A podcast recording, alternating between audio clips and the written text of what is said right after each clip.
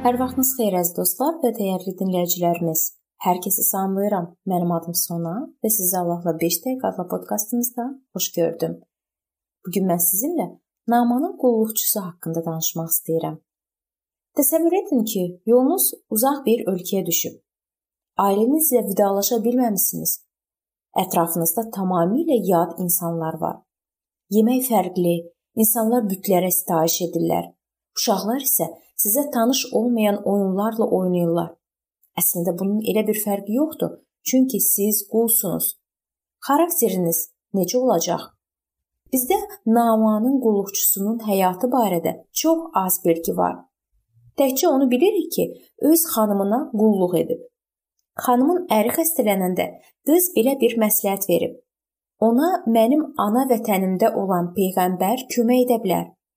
Bu qızın sözləri təkcə Namanın həyatına təsir etmədi. Onun kömək etməyə cəhd göstərməsi artıq adamı təsirləndirir. Qızın ağasına olan münasibətində ağır acı yox idi. Onu əsirlikdə saxlayıb ağalıq etməsinə baxmayaraq qız sadəcə kişiyə kömək etmək istəyirdi. O, xanıma qulluq etməklə bu ehtiyaca zərurətin yarandığını görmüşdü özünə qarşı incikliyə və kədərə qapılmadı. Əksinə, xeyirduayı bələdçilik etmək imkanı yarandığı üçün sevindi. Bu qızda daha bir möhtəşəm keyfiyyət var idi. İnanırdı ki, peyğəmbər Namanı sağalda bilər. Bu qız elə edərdim, belə edərdim kimi fikirlərin qəlbini sarmağa imkan vermədi. Nə üçün Allah onu əsirlikdən xilas etmədi? Nə üçün onu heç kəs xilas etmədi? Qız əmin idi ki, ağası peyğəmbərlə görüşsə, Allah Namanı sağaldacaq. Bu balaca qızın səbri də maraq doğurur. Gündəlik gördüyü işlər evdə gördüyü işlərə oxşar idimi? Bu ağır işlər onu əzmirdi ki, onun yalnız evlərini xatırlayıb yad ölkədə əzab çəkdiyi barədə heç bir şey deyilmir. Aydındır ki, nə evlərini, nə də orada öyrəndiklərini unutmamışdı.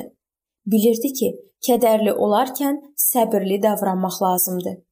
Heç olmasa hərdən bu qızın düşdüyü vəziyyətə düşürsünüzmü? Bəlkə sizə elə gəlir ki, ətrafınızdakılar öz işindədir. Sizin həyatınız isə yerində sayır.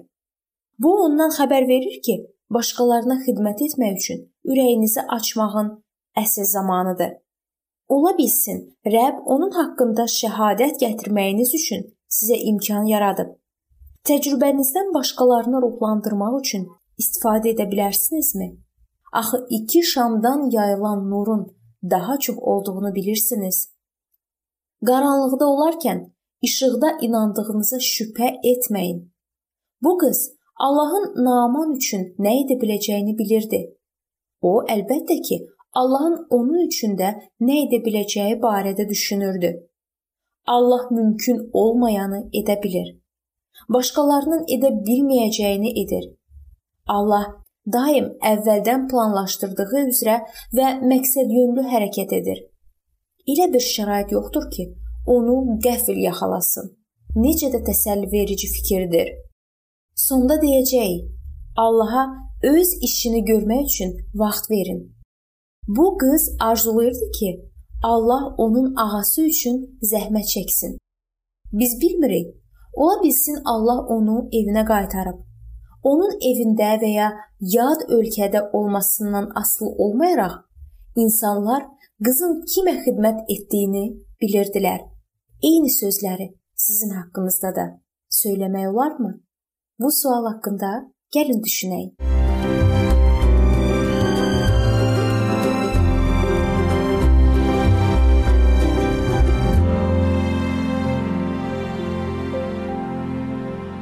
Beləliklə əziz dostlar, bu yerdə bu mövzu sona çatdı. Hər zaman olduğu kimi sizi dəvət edirəm ki, bizim podkastlarımızı Facebook səhifəmizdən və YouTube kanalımızdan dinləməyə davam eləyəsiniz. Hər hansı bir sualınız varsa, bizə müraciət etməkdən çəkinməyin. İndi isə mən sizinlə sağollaşıram və növbəti görüşlərdə görmək ümidi ilə. Sağ olun, salamat qalın.